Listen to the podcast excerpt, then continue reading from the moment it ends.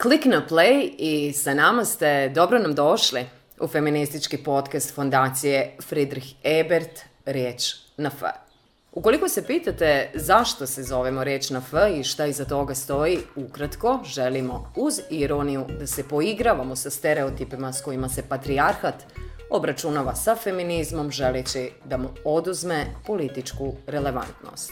U narednim životima i izdanjima ovog podcasta ugostit ćemo ljude iz različitih oblasti javnog života. Aktivizma, politike, obrazovanja, umjetnosti, ekonomije, ali i ostalih bit će tu reći o aktualnim temama, a koje se tiču svih nas. Temama koje diraju polje društvene, političke i kulturne stvarnosti, a koje opet doprinose principima ravnopravnosti. Ja sam Ines Baždalić i želim vam ugodan let sa nama. U narednih 20 minuta do pola sata razgovaramo sa ženom koja se bavi jezikom i prevođenjem, te zna što šta i o pedagoškom radu, a koja će sa nama podijeliti lično iskustvo svakodnevnice.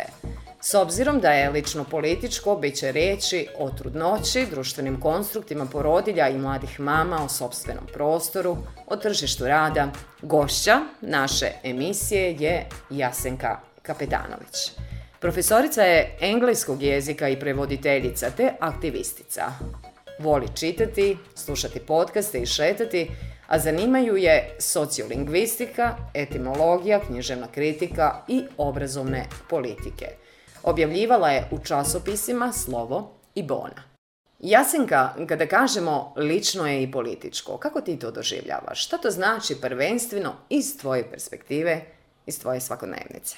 Pa ja smatram, iako ta neka teza dolazi iz drugog vala feminizma, da je to nešto što je zdravorazumski iz razloga što nikada ne možemo izbaciti ono što je političko iz našeg svakog aspekta ličnosti, isto tako iz našeg ponašanja i slično. To znači da sve što ja radim, govorim i jesam, nužno ima one ideje koje ja smatram da su dobre, valjane i da se za njih vrijedi boriti. O strahu kao aspektu majčinstva pisali si u tekstu objavljenom u časopisu za feminističku teoriju, u časopisu Bona. Zauzmem li dominantnu poziciju koja nam se servira istovremeno uskraćujući nam prostor propitivanja, slijedi pitanje za tebe postajemo li istinski žene isključivo kada rađamo dijete i šta je sve sporno u ovom pitanju? Pa ja smatram da je to jedna vrlo porazna ideja da, da bismo postale žene moramo postati majke i pamtim prvi put kada sam ja postala majka i bio je prvi 8. mart kada mi je jedna bliska osoba rekla a čestitam 8. mart, sada si i ti napokon žena jer si majka. I ja Sada sam je tebi jedno... 8. mart. Da. da jednostavno sam se osjećala tako poraženo jer je sve svedeno na to majčinstvo. Ono što smatram jeste da ženom se postaje samim svojim rođenjem, naravno postoje i drugi načini postojanja ženom, sada da ne ulazim u trans pitanja i slične stvari, ali u mom slučaju ženom se postaje pri rođenju i ženom se postaje samim tim što ja radim, ali i time što društvo radi meni jer prije nego što mi same sebe počnemo smatrati ženama, društvo već nas smatra ženama.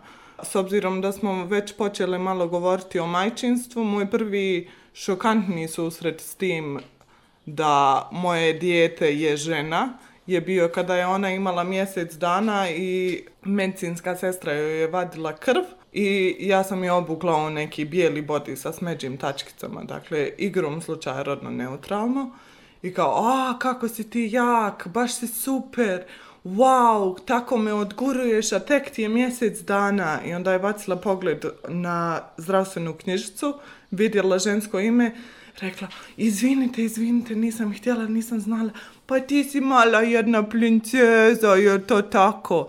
I onda sam shvatila da moje dijete koje je objektivno u tom momentu jeste jako i odguruje se i super je. Odjednom postoje neko biće koje je samo onako bespomoćno i kojem trebamo govoriti kao da se radi o nekome ko ne može pojmiti osnovne stvari i slično. Naravno, tu postoji taj aspekt da govorimo o jednomjesečnom djetetu, ali ogromna je razlika između toga wow, kako si ti jak i snažan, ti si jedna mala princeza. U Bosni i Hercegovine nemamo jedinstven pristup prema porodiljama i što se tiče porodiljne naknade. Ona varira od kantona do kantona, negdje je i uskraćena. Ako pomenemo privatni sektor, kalkulacije se gomilaju. Ili ću ostati trudna, ili ću izgubiti posao. Koje je tvoje iskustvo ovdje? Što si izrodila iz njega? Hm, moje lično iskustvo je da ja sam planirala ostati trudna prije nego što sam imala riješeno to pitanje stalnog zaposlenja koje se igrom slučaja desilo u toku moje prve trudnoće. Međutim, ono što je mene tada činilo bijesnom je što sam ja zbog prirode svoje struke, ja sam profesorica engleskog jezika i književnosti i prevoditeljica, Dakle, do momenta kada sam ostala trudna sam radila za tri različite firme, odnosno organizacije koje su mi sve uplaćivale novac, dakle, legalnim putem na moj račun i istovremeno plaćale poreze na ugovore, imala sam zdravstveno uplaćeno i slično, međutim ja nisam imala nikakav pristup tome iz razloga što naša država ne omogućava da, na primjer, imate dva ili tri poslodavca koji će vam uplaćivati novce za doprinose i sl. Tako da kada sam dobila ugovor o stalnom zaposlenju i to predala i šest mjeseci kasnije rodila dijete, ja nisam imala pravo na porodinu naknadu u onom iznosu u kojem je namijenjen za žene koje su zaposlene, s obzirom da su se pravila ranije već promijenila i dobivala sam naknadu u iznosu od 180 maraka, što je smiješno s obzirom ako samo razmotrimo koliko novca je potrebno za pelene i sve ostalo, ako krenemo od toga, ne znam, eto, dijete spava s vama i dojite dijete, tako da je minimum svih troškova, da uzmemo da su potrebne samo pelene kolica za to neko dijete prvi šest mjeseci, ipak nije dovoljno tih 180 maraka, a kamoli što bi to trebala biti neka, barem nam se tako govori, mjera koja osnažuje i potiče nas majke i ne majke, da rađamo i doprinosimo našem društvu i našem narodu rađanjem djece koja će nastaviti uplaćivati u penzioni fond i slično. Tako da smatram da je to i klasno pitanje o čemu se ne govori, jer je velika razlika između toga ukoliko možete priuštiti sve moguće troškove koji su vezani za trudnoću, porod i odgajanje djece ili ne možete i ukoliko radite na crno, ili ste prijavljeni, čak i se i kalkulše sa tim koji je moment kada ste prijavljeni, a čak prije nego što uopće počnemo priču o trudnoći, rađanju i svemu, dolazimo do momenta kada idemo mi žene na razgovore za posao gdje se susrećemo sa pitanjima da li planirate imati djecu, da li imate djecu, što sve znamo da je nelegalno, ali i poslodavce koji nalaze svakoga dana nove načine da nas upitaju koji je naš bračni status i koji je naš status što se tiče djece, na primjer, a XY je vaše prezime. Da li je to stečeno prezime? Gospođa ili gospođica?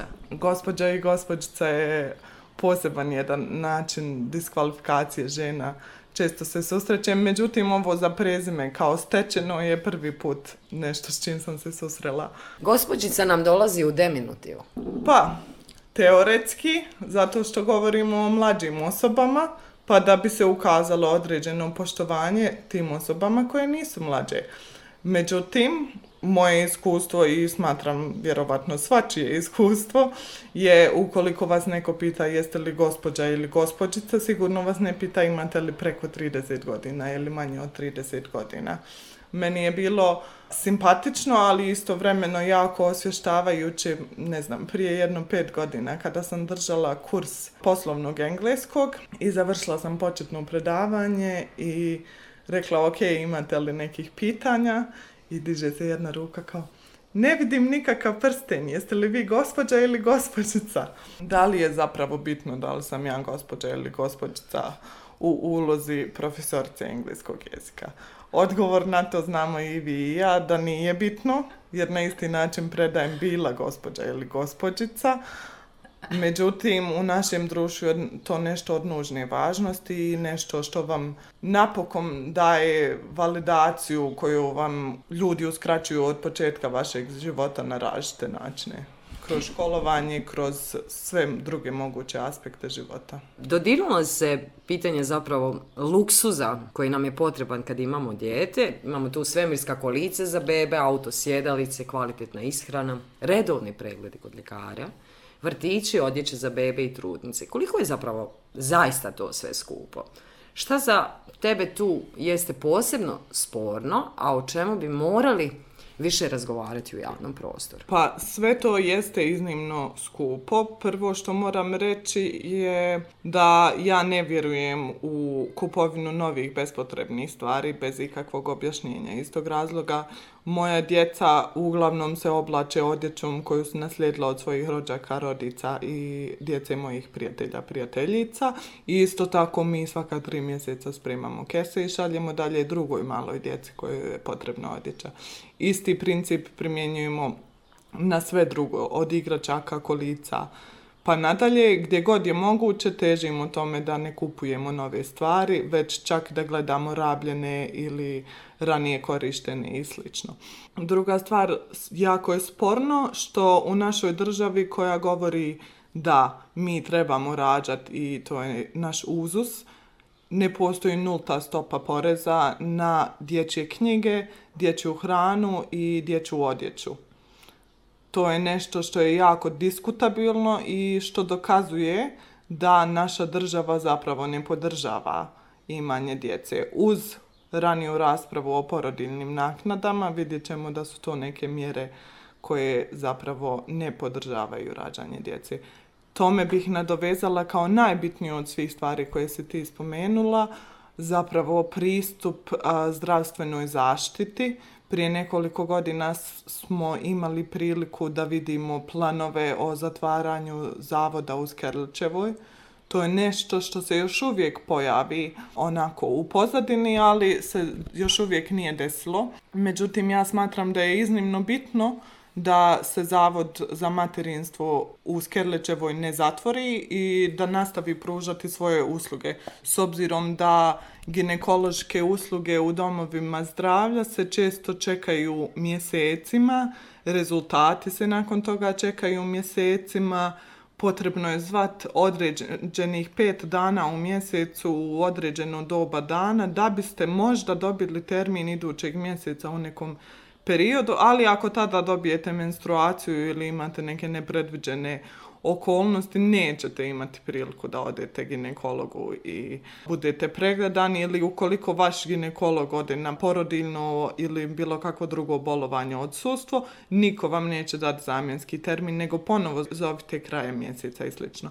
Ja sam imala iskustvo malo prije nego što sam ostala trudna prvi put, da sam rezultate papa testa čekala mjesecima i samim tim kada sam ostala trudna sam odlučila da ću svoju trudnoću voditi privatno, samim tim da bih znala da ću imati pristup ljekaru u onom momentu kada mi treba, a ne da se moram tri mjeseca ranije najaviti da bi me neko pregledao sa zastarjelim aparatima, uz nedovoljno vremena i pažnje koje mu može posvetiti ovlaš jer žurimo i imamo norme koje se moraju zadovoljiti pacijenata s obzirom da pacijentice u ovom sistemu često ne gledaju kao ljudi i kao individue, već samo kao ok, idemo odrat 3-4 po satu, to je savršeno ok norma, što nije tako onaj, ja prihvatam da sam bila u privilegovanoj poziciji, da sam u tom momentu bila u stanju preuzeti neke dodatne poslove da bih to sebi omogućila,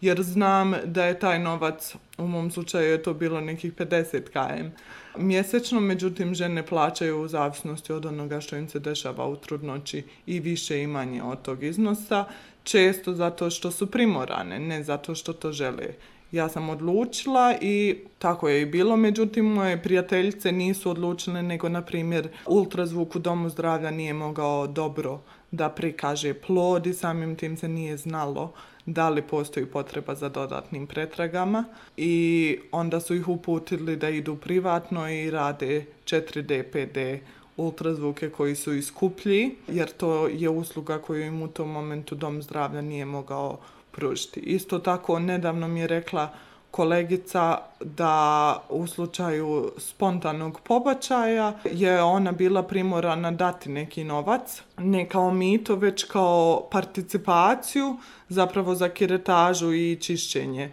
nakon toga, što ona je se osjećala jako poraženo zbog toga. Rekla mi je da se osjećala kao da je kažnjena zbog nečeg što je samo po sebi već potresno i slično. Dakle, to nije nešto što se meni desilo, ali vrlo bliska prijateljica je to podijelila sa mnom i nisam imala vremena da dalje istražujem kakve su postavke trenutno u takvoj situaciji. Međutim, ukoliko je to zaista slučaj, to je nešto što je, što je iznimno porazno za naše društvo.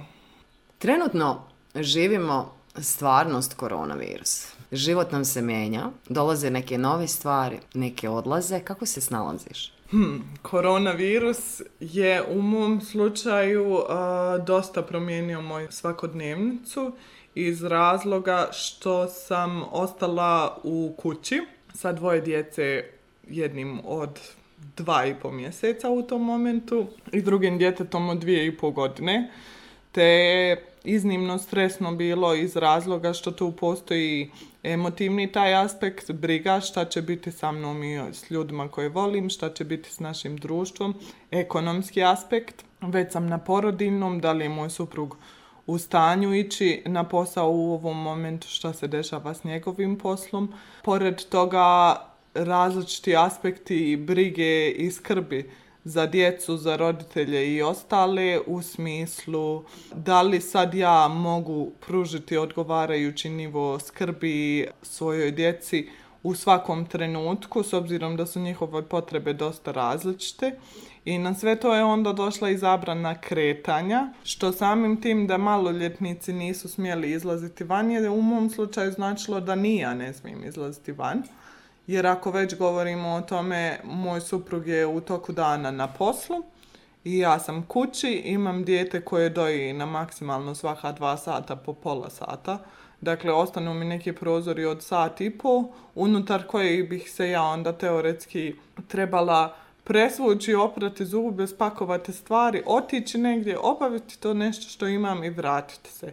Što se zapravo nije pokazao nečim što je moguće i jako teško je bilo izvodljivo. Druga stvar, na ličnom nekom planu emotivno i psihološki je bilo jako teško nositi se s tim jer smo došli do toga da moja kćerka koja je inače jako otvorena, vesela i slično je počela razvijati određenu anksioznost, postala je iznimno vezana za mene od djeteta koje trči u susret mesaru, poštaru, teti na ulici i ako joj kažu ajde ti sa mnom, kaže ok, dobro, mama, odo ja, je postala dijete koje ako nam neko pozvani na vrata krene vrištati i krivaca se i govoriti mama, ja ne želim čiku, ja želim samo tebe i slične stvari.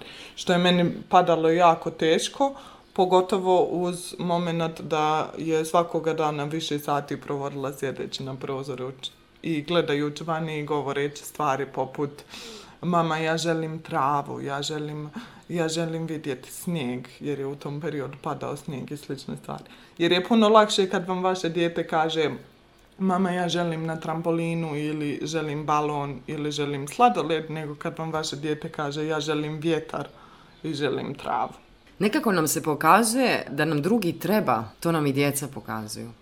Samim tim što im to nedostaje, šta je taj socijalni moment? Zašto nam drugi treba? To je jedna od lekcija zapravo koje nam je korona pokazala.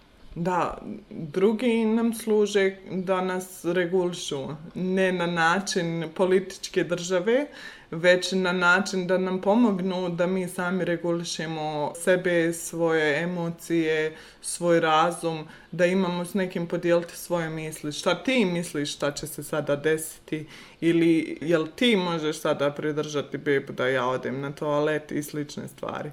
Drugi su nam neophodni za razmjenu ideja, drugi su nam neophodni za naš rast i razvoj, drugi su nam neophodni za uspješno funkcionisanje. Koliko nam je ovaj svijet interneta zapravo osiromašio tog drugog? Nekako nas je naveo na neku drugu stvarnost u kojem sa drugim komuniciramo posredstvom hladnih ekrana. Da, to je dosta zanimljivo pitanje. Kada je krenulo sve oko korone, Dakle, kada se situacija malo, tako reći, zakuhala, moj prvi potez je bio da sam se obrisala sa Facebooka, jer meni nije pomagalo da samo ovlaš mogu pristupiti različitom broju informacija koje će me uzrujati ili slično, a pritom nemam priliku komunicirati s ljudima, dijeliti mišljenje. Jer mi je iznimno teško bilo naći i vrijeme i snagu i nije mi bilo praktično komentarsati ili sada nešto diskutirati s ljudima preko društvenih mreža, no radije bih nazvala svoje prijatelje i razgovarala s njima putem različitih aplikacija za telefonske pozive ili video pozive i slično, s obzirom da nismo bili u poziciji da se vidimo licem u lice. Nekako se opet situacija prvo se smirila, a zatim ponovo imamo neku jači intenzitet, šta će biti, opet postavljamo pitanja, šta će biti dalje sa koronavirusom, sve veći broj zaraženih. Kuda idemo sa ovim? Pa, sve su šanse, ja kao like govorim iz onoga što sam pročitala, da će biti više valova i dolazi ljeto, tu je i ekonomsko pitanje dijaspore i financijskog doprinosa dijaspore našoj ekonomiji i bivstvovanju naših porodica koje su tu. Tako da smo svjesni da možda naša država neće ići na to da ugrozi našu ekonomiju, samim tim možda postoji mogućnost da će dolaziti do veće izloženosti i novih valova, novih klastera koji se kod nas ne prate i slično.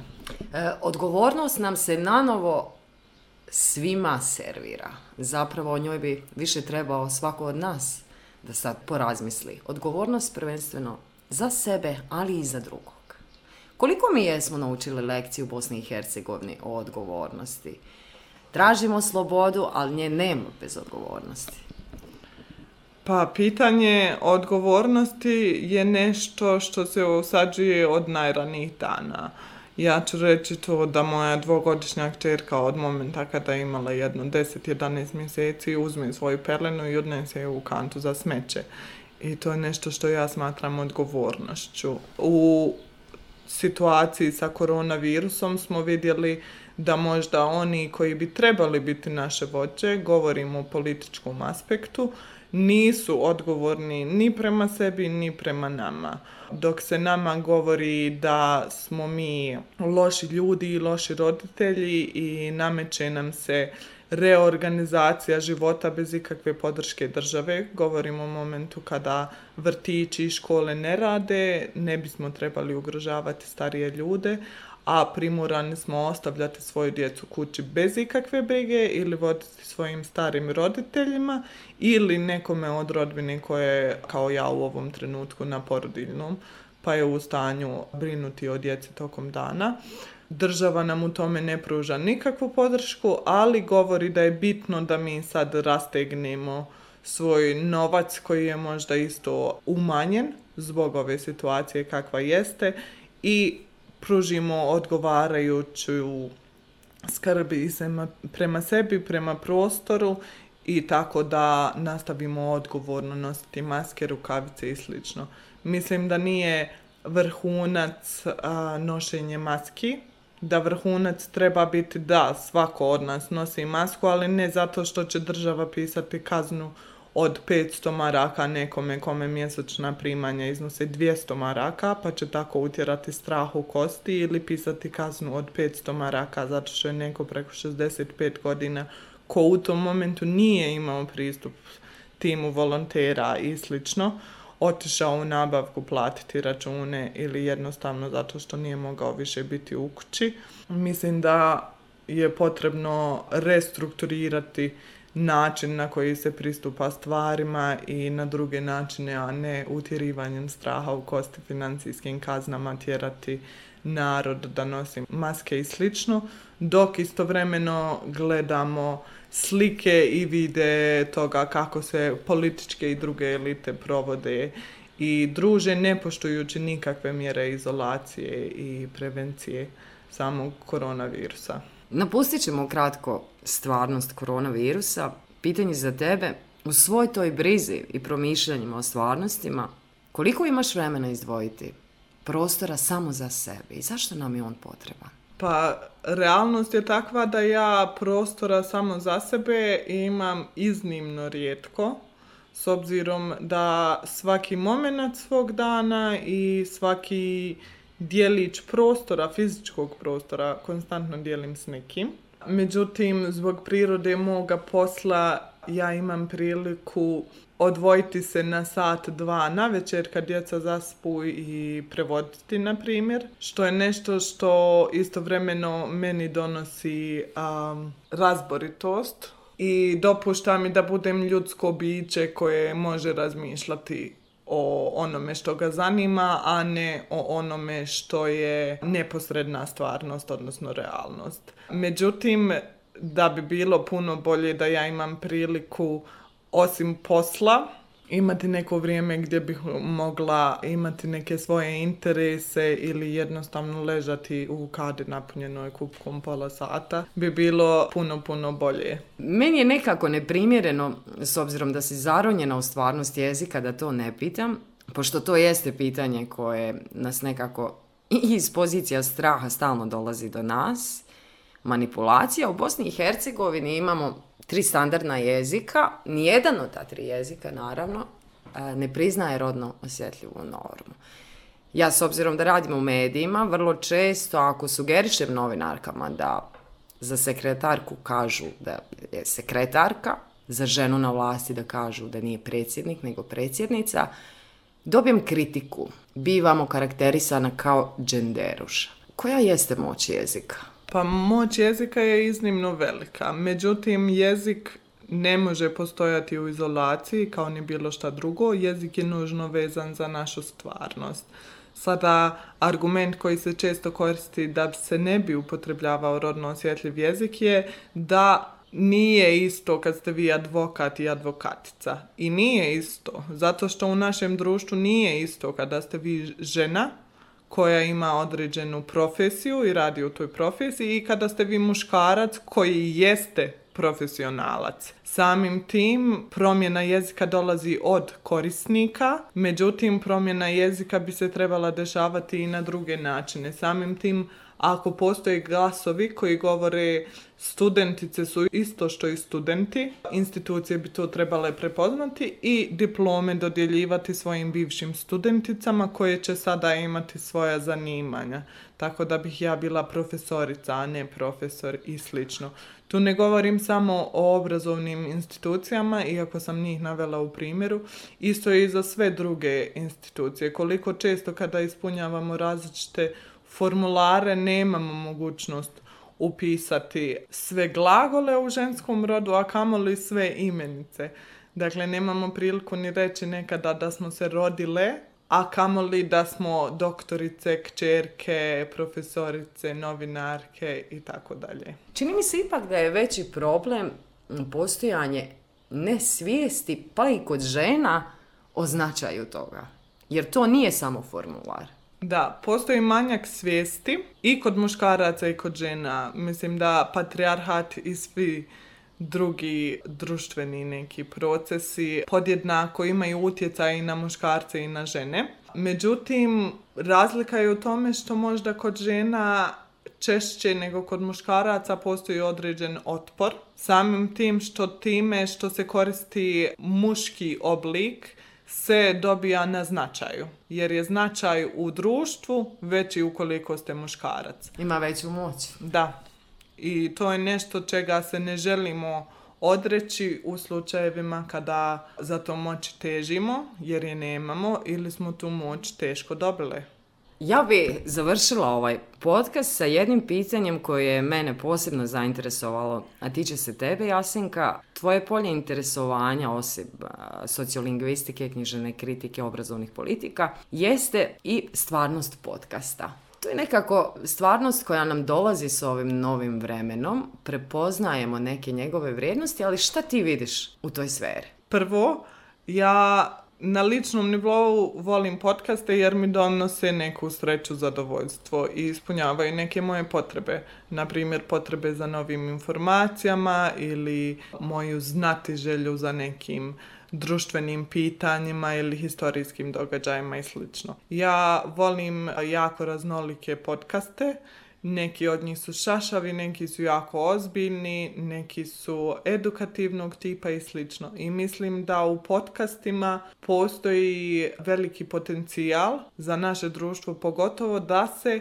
dopune i obrazovne, zvaničnih obrazovnih materijala, kako u edukativnom sistemu, tako i, na primjer, na radio, televiziji i svemu ostalom s obzirom da danas uglavnom ne postoji obrazovni program, odnosno ne postoje sredstva za različite obrazovne programe koji bi na različite načine i o različitim temama obogaćivali naš duh i našu svakodnevnicu.